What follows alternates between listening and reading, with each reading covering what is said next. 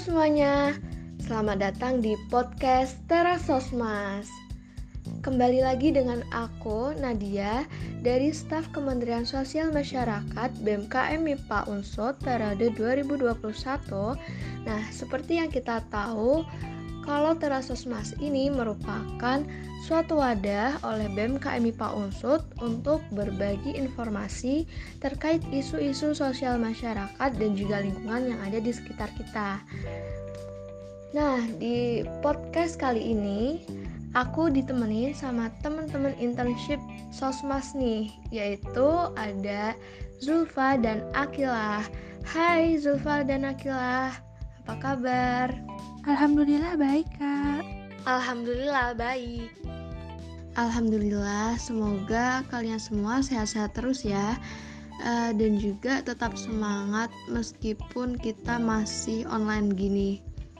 Oh ya, ngomong-ngomong kalian dari jurusan apa ya? Dan gimana nih kuliah kalian? Aman gak? Pasti dong, harus semangat terus. Untuk jurusan Akila sendiri dari jurusan Fisika 2021 dan untuk kuliah sampai saat ini aman-aman aja sih kak. Paling kita cuma ngeluh waktu ada banyak tugas laporan-laporan jurnal-jurnal gitu aja. Kalau aku dari jurusan matematika 2021 kak alhamdulillah kuliahnya aman ya walaupun tugasnya terus ngalir iya ini emang tugas itu meresahkan ya nggak pernah berhenti. Tapi ya nggak apa-apa lah ya namanya juga jadi mahasiswa. Emang harus tetap dijalanin dikerjain jangan sampai nggak dikerjain. Oke okay, anyway uh, kita di sini bertiga bakal ngobrol-ngobrol tentang apa nih? Oke, okay, kali ini kita akan membahas sesuatu hal yang gak bisa lepas dari kehidupan kita, yaitu sama plastik dan sama kertas. Seperti yang kita ketahui sendiri nih di Indonesia, penggunaan sampah plastik dan sampah kertas itu kan sangat banyak. Sehingga kalau digunakan dalam rentang waktu waktu yang lama itu sangat membahayakan bagi lingkungan kita nih. Wah iya bener banget nih Nah mungkin uh, kita udah biasa banget ya dengar kata-kata sampah, dengar pencemaran gitu Karena memang uh, masalah sampah ini suatu hal yang harus selalu kita khawatirin. Yap, setuju banget karena kita lihat kondisi sampah di Indonesia sekarang ini sangat memprihatinkan. Indonesia bisa menghasilkan sampah hingga puluhan ribu ton loh. Dan menurut sumber yang aku baca nih, jumlahnya akan terus meningkat di tahun yang akan mendatang. Diperkirakan juga jumlah sampah plastik Indonesia akan bertambah dua kali lipat di tahun 2050 dan diprediksi jumlah sampah di lautan akan lebih banyak daripada jumlah ikan. Bahaya banget kan? Iya bener bahaya banget sih buat kehidupan satwa-satwa yang ada di laut kan. Nah iya, apalagi penggunaan sampah plastik itu kan sangat berbahaya ya bagi lingkungan, terutama lautan kita. Seperti yang kita ketahui sendiri nih, bahwa Indonesia itu sebagai penyumbang sampah plastik terbesar kedua setelah Tiongkok. Padahal secara pemakaian sendiri Indonesia dan Tiongkok itu kalah dibandingkan dengan Amerika Serikat loh. Oh iya, kenapa bisa gitu, Kil? Iya, dari sumber yang aku baca, tapi aku lupa dari siapa. Kalau Amerika itu penggunaan sampah plastiknya dalam per hari itu sangat tinggi, tapi mereka mengolahnya itu dengan baik sehingga sisa-sisa sampahnya itu sangat sedikit berbanding terbalik nih dengan Tiongkok dan Indonesia. Kalau Tiongkok dan Indonesia itu kan penggunaannya tinggi, tapi mereka tidak bisa mengolah sampahnya dengan baik, sehingga sisa-sisa sampahnya itu masih banyak. Itu sih yang menjadi alasan kenapa Indonesia dan Tiongkok itu menjadi penyumbang sampah terbesar di dunia. Oh gitu, keren juga ya Amerika. Eh tapi ini nggak bermaksud buat ngebanding-bandingin ya Justru ini bisa jadi contoh yang baik buat kita, buat negara kita, agar ke depannya dalam pengelolaan juga bisa uh, lebih baik dari negara-negara lain. Uh, tapi kenapa sih di Indonesia ini penggunaan sampah plastik itu masih banyak banget? Menurut kalian gimana? Menurut aku, masalah sampah plastik itu akan selalu ada selama kita masih menggunakannya. Karena plastik itu kan sulit terurai ya. Bahkan plastik bisa bertahan di tanah hingga 60-70 tahun loh. Lama banget kan? Sementara penggunaan plastik oleh masyarakat masih tinggi, baik dari kebutuhan pangan, sandang, maupun papan. Mereka beranggapan bahwa menggunakan plastik itu jauh lebih praktis. Penggunaan kemasan-kemasan plastik oleh suatu brand atau perusahaan juga masih tinggi.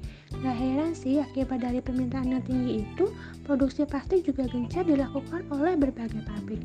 Kebutuhan dan probabilitas yang tinggi menjadi alasan utama mengapa sampah plastik masih banyak jumlahnya. Ah iya itu dia. Mungkin ini nih bisa dijelasin dampak kalau kita menggunakan sampah plastik di mana sampah plastik itu nggak bisa terurai dalam jangka waktu lama itu kira-kira gimana? Dampak buruk dari sampah plastik sendiri yaitu pada saat sampah plastik yang dibakar itu kan menghasilkan rasa berbahaya seperti CO dan HCN dan plastik sendiri itu salah satu penyumbang terbesar dari pencemaran udara yang efek jangka panjangnya itu akan terjadi global warming. Sampah plastik sendiri juga tidak dapat diuraikan atau sulit diuraikan sehingga menyebabkan mineral-mineral dalam tanah itu berkurang dan kadar oksigen pun dalam tanah juga berkurang. Jadi fauna yang ada di dalam tanah juga ikut berkurang dan bahkan mati karena tidak ada pasokan mineral dan oksigen. Untuk di Indonesia sendiri kebanyakan sampah plastik itu kan dibuang ke lautan dan itu bisa menyebabkan pencemaran lingkungan laut. Salah satu yang terkena dampak langsungnya yaitu fauna-fauna yang ada di laut. Contohnya saja yaitu ada sebuah kasus di mana sebuah penyu menjadi cacat cangkangnya akibat terjepit oleh sebuah plastik.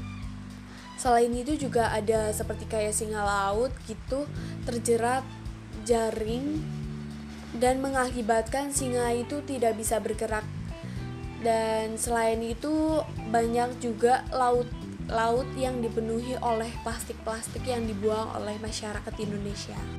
Nah, benar banget tuh kata Kila. Selain itu juga sampah plastik bisa berdampak pada perubahan iklim loh. Wah, bahaya banget. Kita sekarang ini kan sudah mengalami perubahan iklim ya. Terus sampah plastik juga bisa berdampak kepada manusia itu sendiri loh, seperti meningkatnya penyakit saluran pernapasan dan saluran pencernaan.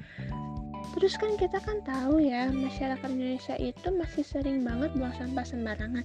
Nah, dampak dari pembuangan sampah sembarangan itu kan bisa jadi tumpukan sampah di suatu daerah atau tempat. Nah, biasanya tumpukan sampah itu kan berbau, terus juga banyak alat. Nah, itu tuh yang bisa bikin penyakit. Waduh, iya bener lagi. Emang permasalahan sampah ini kompleks banget ya. Eh, tapi uh, sekarang ini bukannya udah mulai rame ya mengenai kemasan-kemasan yang dari kertas gitu. Itu uh, jauh lebih baik atau gimana sih?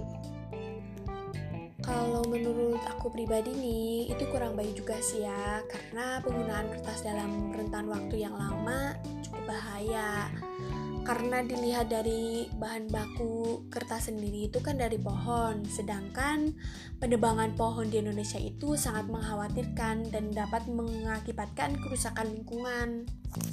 Dan akibat dari penebangan pohon sendiri itu tidak berakibat pada keanekaragaman yang ada di hutan saja, tapi juga berpengaruh terhadap kita loh.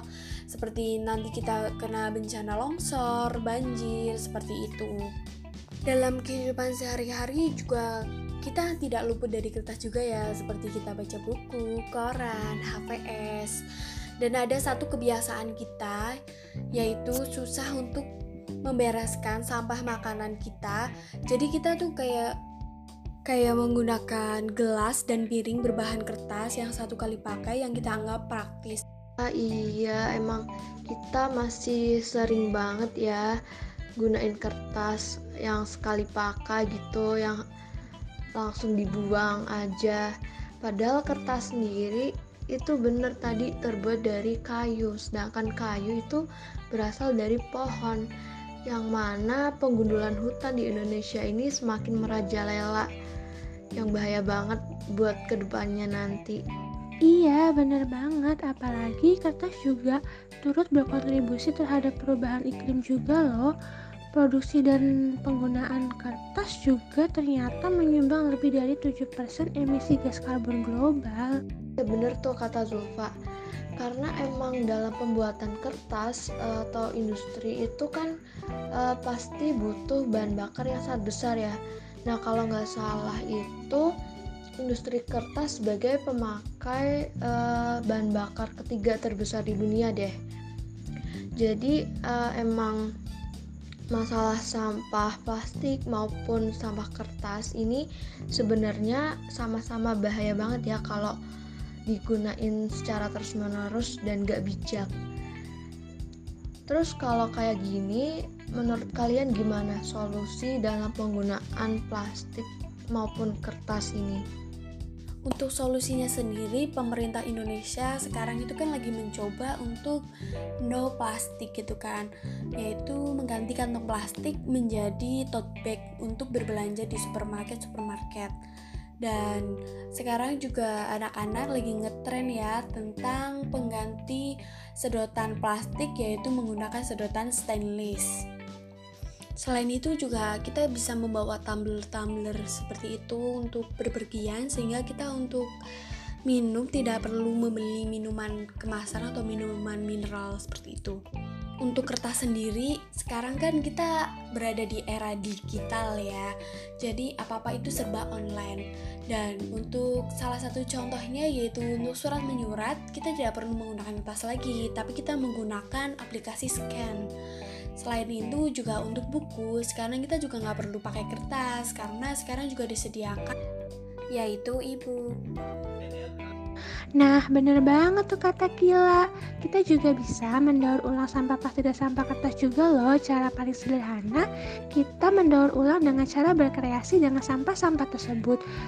Waktu sekolah kita mungkin pernah membuat pot dari botol plastik, tas dari plastik kemasan, tikar dari plastik kemasan, atau mungkin kita pernah bikin figura dari koran bekas, buket bunga dari koran bekas waktu pelajaran prakarya dulu.